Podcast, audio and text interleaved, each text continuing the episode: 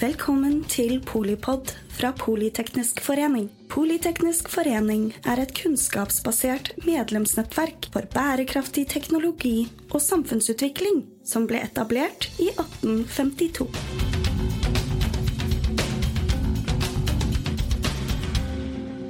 Velkommen til Polipod og i serien Markedskrysset. Eh, I dag skal vi ut på reise og snakke om reiselivet i det grønne skiftet, og mer presist til Vestlandet. Og da skal vi snakke litt om konkurransedyktighet, bærekraftige naturopplevelser, konfliktløsning og teknologiske løsninger. Og da har vi med oss deg, Rasmus Bøg Holmen. Hei, hei. Du er partner i Vista Analyse, og så er du styreleder i PF Samfunnsøkonomi. Det er artig, det. Det er jo vanligvis du som leder disse podkastene, men i dag så er du faktisk gjest. Mm Eh, og så har vi med oss direkte inne fra Vestlandet og Bergen, Endre Kildahl Iversen. Du er forsker i SNF, samfunns- og næringslivsforskning ved NHH. Hei, hei, ja. Dere er begge to samfunnsøkonomer, og så har dere samarbeidet om en studie om det grønne skiftet for reiselivet i Vestland. Ja, Rasmus, hvordan, eller hvem vil begynne? Hvordan står det til med Vestlandets eh, reiseliv kontra andre steder? Ja, Det er jo et, eh, et vidt spørsmål og godt interessant spørsmål. Eh, Så vi kan jo begynne med å si at eh, som reiselivet ellers i Norge, så er det jo en sånn kostnadsskvis. Og Det er jo ikke på den kostnadsmessige konkurranseevnen det norske reiselivet scorer best, men det er jo der man likevel noe man må være til dels konkurransedyktige på. Men det er jo den kvalitetsmessige konkurranseevnen som, som gjør at, eh, at eh, den eh, norske reiselivet er konkurransedyktig. Og da er, er man jo i Vestland opptatt av å tiltrekke gjester med høy betalingsevne, som er glad i natur. Det er jo da mye Nord-Europa og Vest-Europa, men også litt USA, eh, Sør-Europa og Asia litt mindre grad enn tidligere. Eh, Det er snakk om eh, individer eh, som er opptatt av å oppleve natur, enten aktivt eller passivt, og familier. Og i vår studie så finner vi at det er en del som mener at man bør satse mer på pensjonister også, med høy betalingsevne, og gruppeturister. Så er det jo ting, utfordringer her, da, ved at veldig mange kommer på sommeren. på ruten Foruten Voss, som jo også er en eh, vinterdestinasjon. Eh, Og da er det jo mye innsats for å bygge opp eh, sesonger, eh, skape skuldersesonger. Eh, At den sesongen, hovedsesongen fra mai-september kanskje utvides til april-oktober. Lengre opphold, eh, markedsføring av sites. Man kan markedsføre eh, utenfor eh, hovedsesongen, f.eks. om vintersesongen. Eh, og man eh, driver med forretningsarrangementer, kulturelle arrangementer, for å få eh, ting til å skje utenom hovedsesongen. For hovedsesongen så er det jo mer trengselutfordringer, og at man skal spre turister utover. Så er det jo en, en utfordring det at natur eh, trekker eh, gjester, men det er ikke det som skaper inntekter. Og da er jo dette med eh, kulturelle supplementer og sånn serveringstilbud og kulturattraksjoner eh, viktig. Da. Eh, Reiselivet påvirkes jo av eh, mange forskjellige forhold i omgivelsene, eh, som du har snakket om her, med markedsføring, infrastruktur osv. Og, og trender. Eh, hvilke forhold mener du er de viktigste for reiselivsbedriftene, og hvordan, hvordan skal man tilpasse seg? Ja, det er jo vanskelig å si akkurat hva som er det viktigste, men det er jo i hvert fall noen forhold som er viktige. Da. Og et, eh, kanskje et av de viktigste er jo dette med transport. Da. Transport er jo en, eh, en flaskehals inn til regionen, og kan også være en flaskehals ut til regionen for å få turistene fra, fra innfallsportene og utover i regionen. Eh, og da er det jo det snakk om den siste miltransporten, hvor man ikke har så veldig mye fleksibilitet i kollektivtilbudet. Og, og, Hva vil det si, da? Siste mils? Det vil si at man, hvis man tar bussen til eh, et eh, kollektivsted, så er man ikke ved hotellet. Så da trenger man også å komme videre til hotellet. Eller hvis man skal til en, eh, en, en populær site, så er det ikke nødvendigvis så enkelt å komme seg dit, da. Så er vel kollektivtilbudet er jo ofte heller ikke tilpasset turistene, at de kommer om sommeren. Det er mer en sånn eh, et tilbud eh, laget rundt rammet rundt lokalbefolkningen. Um, ja, så er det jo andre ting. Internasjonale, internasjonale økonomiske forhold som konjunkturer og valuta. Der er det jo selskapene ofte ikke så reaktive. De store er litt mer reaktive, enkelte av dem. Mm. Eh, markedsføring eh, er jo eh, en stor konkurranse på, som vi kanskje kommer tilbake til når vi kommer til det digitale. Og det samme med teknologi kommer vi vel også tilbake til. Det er også mye viktige trender der. Mm. Hvordan står det til med rekruttering til reiseliv, da? Vil folk jobbe med det? Nei, Det er jo ofte vanskelig, da. Spesielt i rurale eh, strøk, grisgrendte strøk. For det er jo sånn at uh, private sektor, de, der er det flere næringer, som maritim næring f.eks. og uh, offshore leverandørindustri, som ofte har, har tilbudt ganske høy lønn. Og det er jo næringer som står sterkt, eller har stått sterkt på Vestlandet. Så har du offentlig sektor. De gir jo da ganske greie, behagelige arbeidstider og interessante oppgaver opplever mange, og gode frynsegoder. Så da er det da er man i en liten skvis, da. Og i grisgrendte strøk så er det jo også det med at det kan være begrenset med velferds- og infrastrukturtjenester. Og det er vanskelig å få jobb til begge hvis det er to ektefeller. Så da er det ulike grep man kan gjøre der, da. Det er jo sånn eh, merkevarebygging nettverksbygging, eh, frynsegoder eh, der man samarbeider med eh, opplevelsestjenester som man kan gi til ansatte. Prøve å gi dem medbestemmelse, interessante, varierte arbeidsoppgaver. Fremheve naturopplevelsene i jobben. Og for små selskaper så kan jo også dette med deling av kompetanseressurser være en greie. Og noen eh, eh, eksempler har vi også på selskaper som både, både opererer eh, på, det, på, lokasjoner om sommeren og vinteren, og da har man sånn jobbrotasjon. Da. Kan, jobbrotasjon kan også være en, et grep for å få ned turnoveren og få folk til å bli og bli mer happy med jobben. Da. Eh, turisme krever jo ofte ganske mye inngrep i naturen. Eh, som stier og skilter, og hvis alle skal bli kjørt rett til døren, så må, må, må, sier, sier, det seg jo selv at man må bygge ut en del vei osv. Eh, kan dere fortelle litt om utfordringer knyttet til det grønne skiftet og reiselivet? Endre? Ja, det vil jeg gjerne. Um, det er jo en ganske mange ulike typer utfordringer som er knyttet til det grønne skiftet. Eh, det som oftest nevnes eh, av respondentene vi har vært i kontakt med, er vel det at man er avhengig av transport fra markedet ganske langt vekke. Så det er en eh, ganske stor andel internasjonale turister på Vestlandet, og, eh, og de må som regel fly eh, inn til regionen. Så er det jo også cruiseturismen som er, er, stor på Vestlandet. Så det er utfordrende å, å få folk til regionen ut, og på en, da, på en miljøvennlig måte. Og, og så er det også, som Rasmus har vært litt innpå, at det er utfordringer på transportsiden innad i, i eh, regionen. Sant? At man har eh, Man, man er nokså avhengig av eh, bil og, og buss for å komme seg rundt, gjerne som regel i privat regi. Der er det ting på gang i forhold til å elektrifisere både bussflåter og, og selvfølgelig eh, privatbiler og slikt, eh, som gjør at man er på en måte på vei til mot eh, en grønnere fremtid da, eh, når det gjelder transport internt i fylket, men, og det, dette vil jo også gjelde for resten av landet, for så vidt.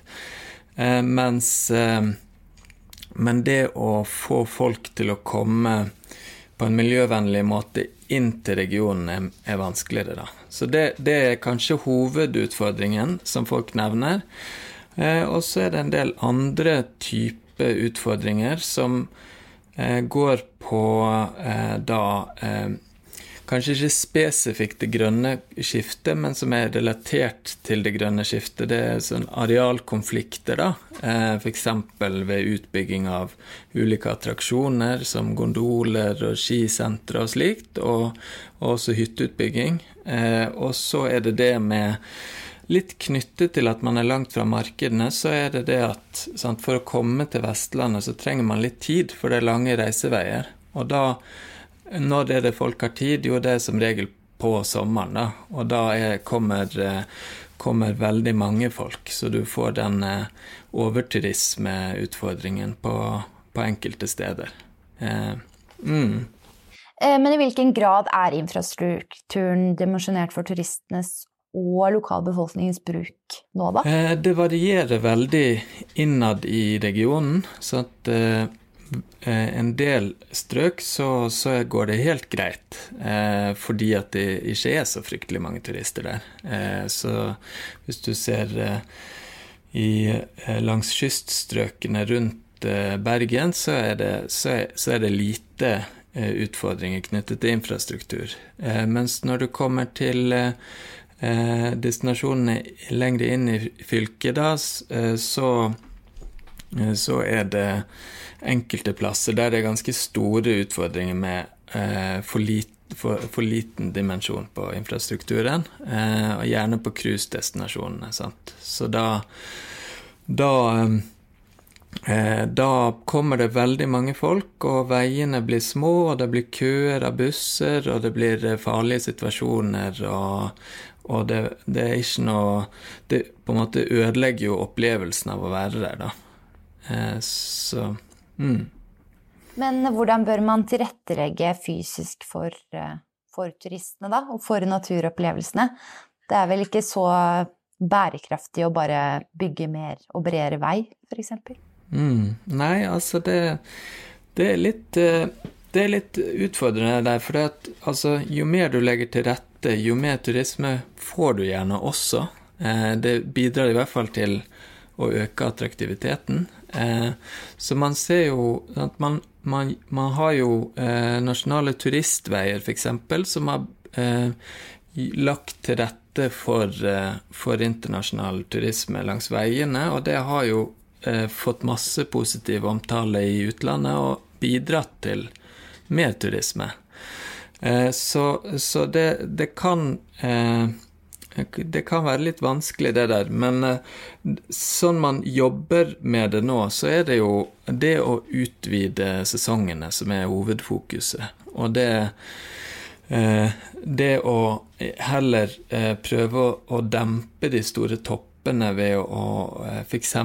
bruke Ved å prise seg høyere. Sant? At man, at man at man går for høyere kvalitet, men kanskje satser på kvalitet fremfor kvantitet, eh, og prøver å da få flere til å komme eh, ja, på høsten og vinteren og, og sånn. Eh, og da får man også mer helårs arbeidsplasser. Så det blir på en måte Det er flere gode side ved å få sesongutvidelse. Du får både eh, redusert press på naturen og infrastrukturen, eh, men du får også gitt mer tilbake til lokalsamfunnene.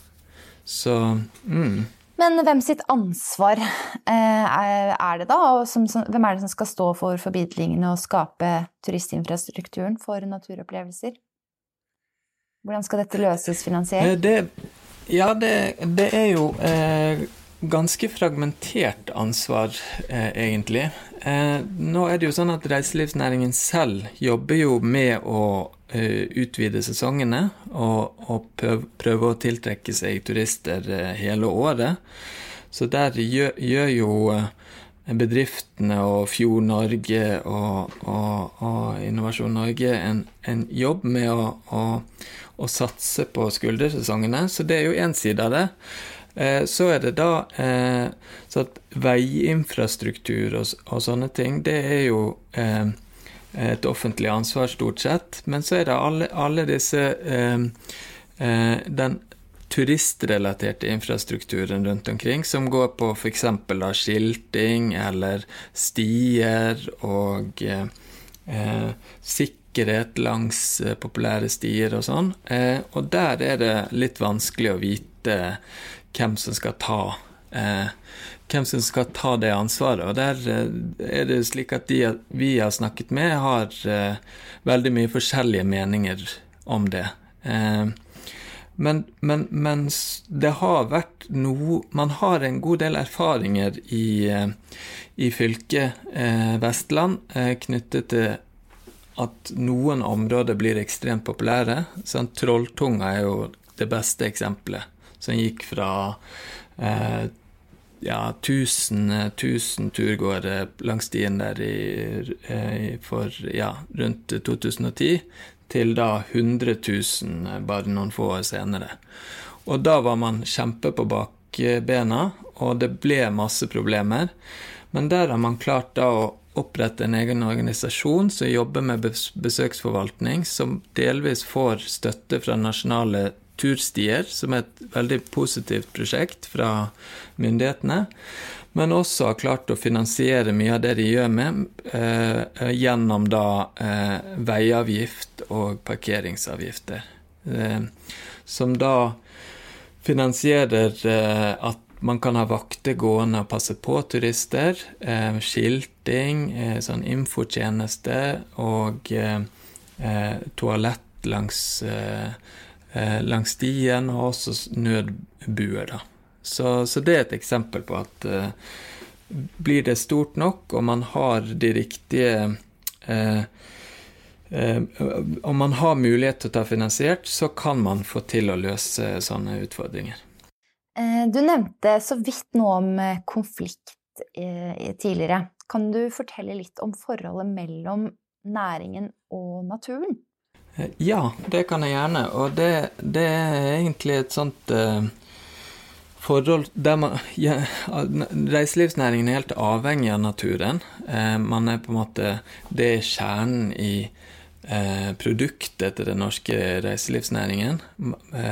turister kommer først og fremst for å oppleve landskapene våre og naturen vår. Så, så, da handler det om å tilrettelegge for naturopplevelser. Og i den eh, tilretteleggingen så kan det også eh, skje på en måte skade på naturverdier. Og der vil jo folk ha ganske ulike preferanser i forhold til hva er en god tilrettelegging. Så du har f.eks. noen av eh, eh, attraksjonene langs nasjonale turistveier som en del mener da er for inngripende. Sant? At man går inn i landskapet og bygger broer og, og slikt. Og så vil For noen vil dette være helt super, kjempepositivt, men da kommer man tett inn på fossefall og, og lignende, og så for andre er det helt ødeleggende, da. Eh, og, og, sånn er det med reiselivet, at eh, mye av de eh, attraksjonene man bygger eh, for å skape naturopplevelse, det skader også naturen. da. Eh, så da, da er det eh, en god del eksempler på, eh, på, på, sånne konflikter i Vestland fylke. Altså du har eh, gondolutbygginger som er under planlegging i tre, tre ulike steder, og man har skisentre som bygger ut. Eidfjord Resort er jo et veldig kontroversielt prosjekt, der det også skal bygges en god del hytter og et skisenter som da eh, trekker inn i, i villreinens eh, leveområder. Eh, og hvordan, eh, hvordan, bør disse konfliktene håndteres, da? For det er jo, altså, det er jo mange interesser som skal være fornøyde. Mm. Ja, det, det, er veldig mange interesser som står mot hverandre, egentlig. Eh, så at, uh, I dag er det jo slik at uh, at kommunene sitter med mye av ansvaret for arealforvaltningen. Eh, og, og de står da, Kommunene står ofte i dilemma mellom da eh, å ta vare på naturområdet versus da næringsutvikling i, i, i eh, bygder der det kanskje man trenger arbeidsplasser. Man, kanskje man sliter med fraflytning og, og sånn. Eh, så, så, så, det man ser, er jo at kommunene er ganske villige til å legge til rette for eh, utbygging. Eh, og så, så, har man jo noen instanser som, som prøver å, å gjerne Eller skal ta ansvar for de nasjonale verdiene. Statsforvalteren bl.a. Har jo Vil jo gjerne komme med innsigelser og prøve å, å gjerne stoppe de mest de prosjektene som har størst konsekvenser. Eh, men det man ser, er jo at ofte det er de kommunenes hensyn da, som eh, vinner frem. Eh, og Eidfjord Resort er jo et eksempel på akkurat det, der regjeringen grep inn og sa at ok, men dette må vi godta.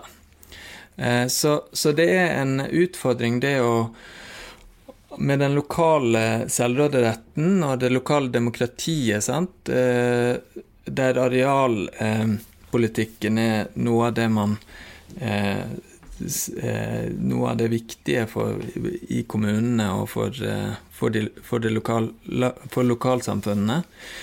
Det, og det å skape noe lokalt, skape nye attraksjoner, versus da nasjonale fellesgoder og til dels internasjonale fellesgoder. Sånn som, som villreinen er jo en art som, eh, som, en ansvarsart for Norge, som, eh, der vi eh, har, har den eneste villreinstammen i Europa. Så, sånn at, så vi har et internasjonalt ansvar også.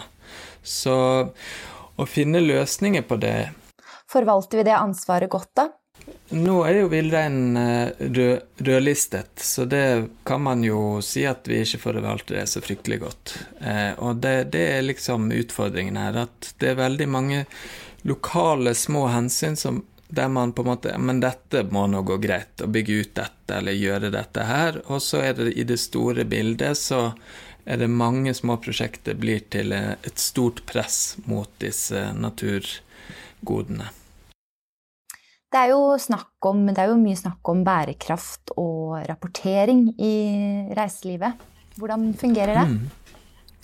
Det, er, det, er, litt ulike typer eh, bærekraftsordninger eh, for bedrifter og for destinasjoner.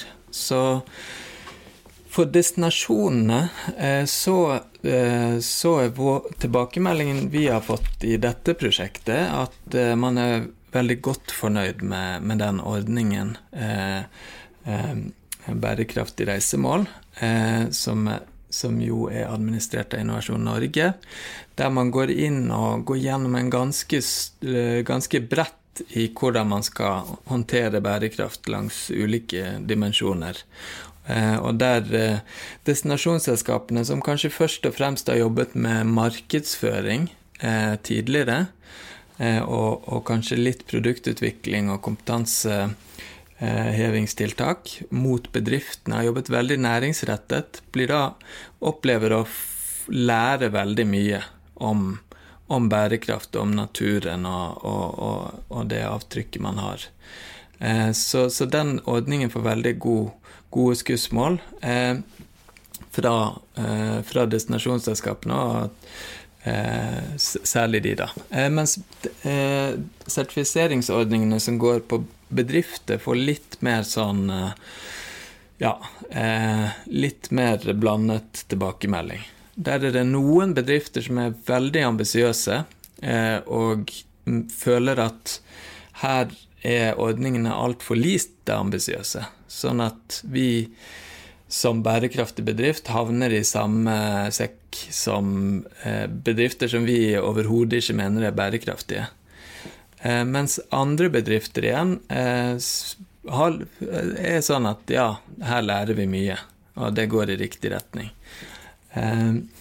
Så men så er dette også litt sånn Det koster penger, og det tar tid. Og for småbedrifter som kanskje gjerne er veldig bærekraftige og er veldig opptatt av å, å, gjøre ting riktig, så har de ikke ressursene tilgjengelig for å bli merket eller eh, sertifisert i det hele tatt. Og det er jo også en utfordring.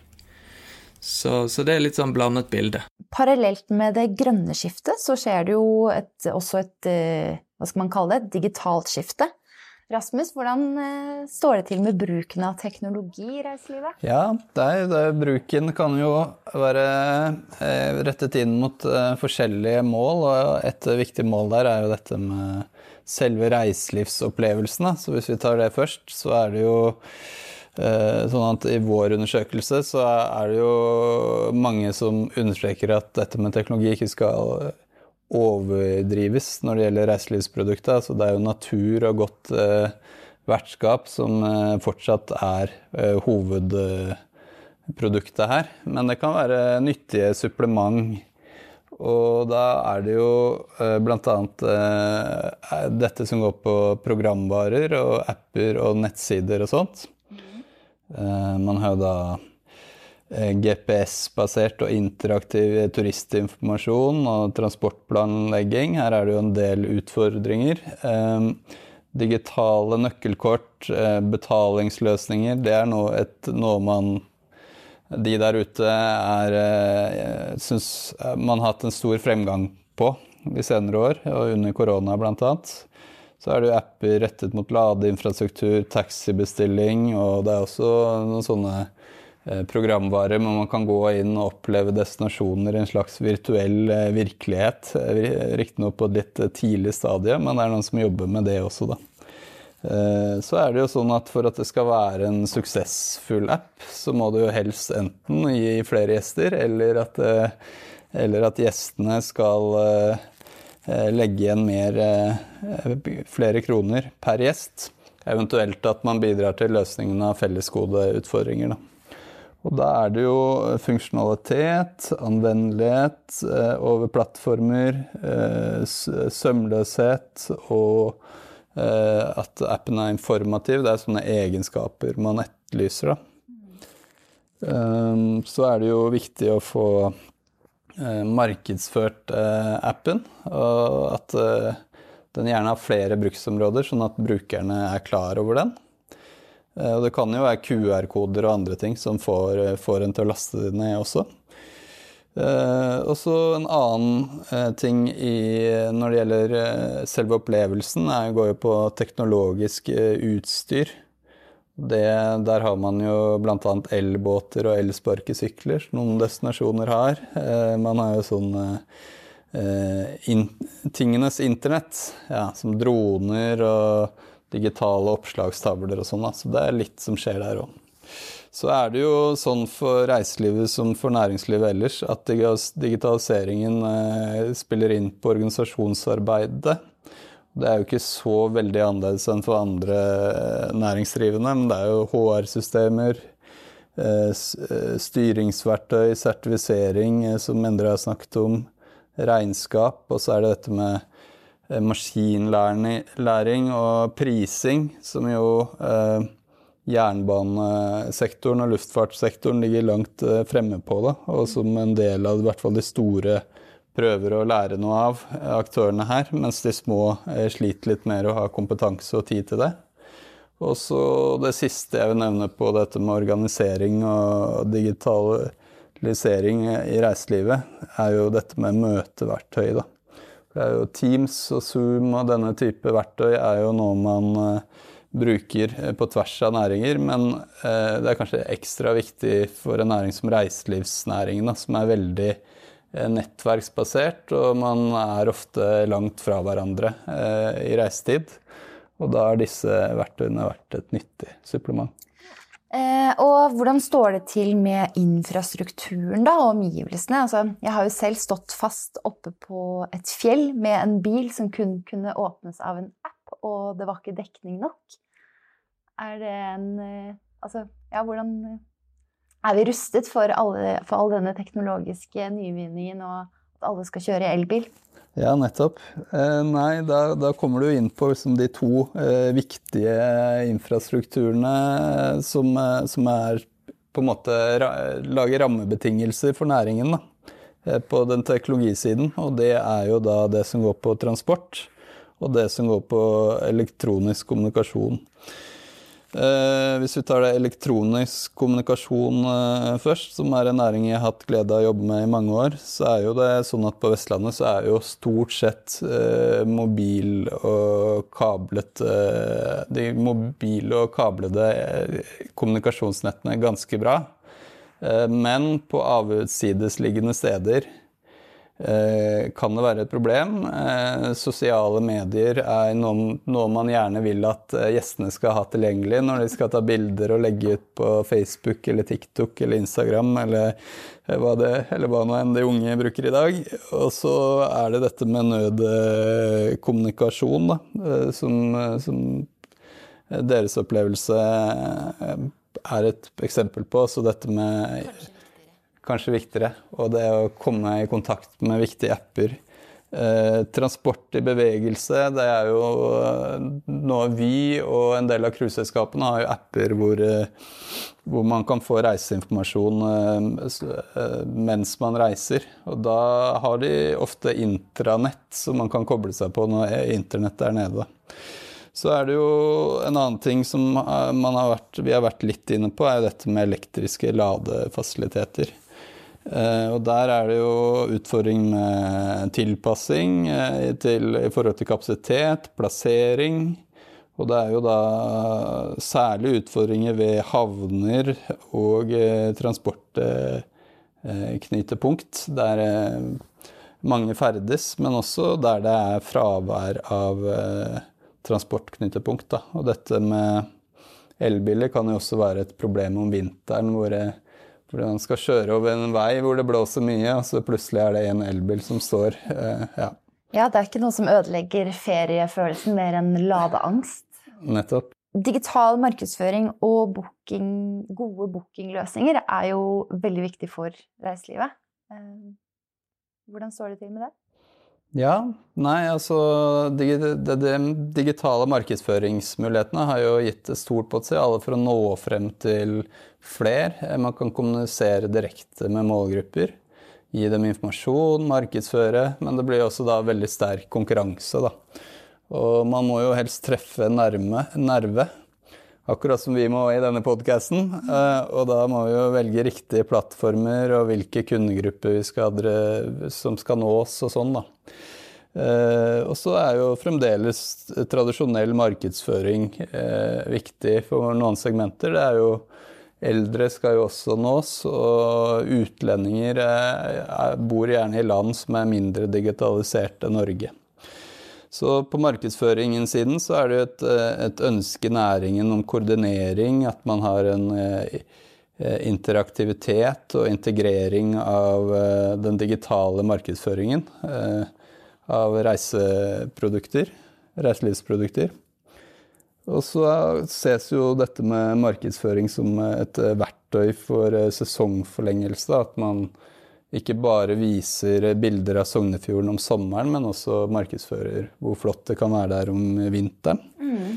Så Fjord-Norge, som er landsdelsselskapet for Vestlandet for reiseliv, de er jo ganske populære og er en koordinerende aktør.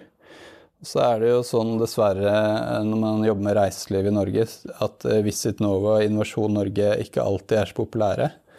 Og det er vel også tilfellet her, har vi funnet ut, at eh, de anses eh, som mindre relevante, de, en del av de markedsføringstiltakene og koordinerende tiltakene de gjør.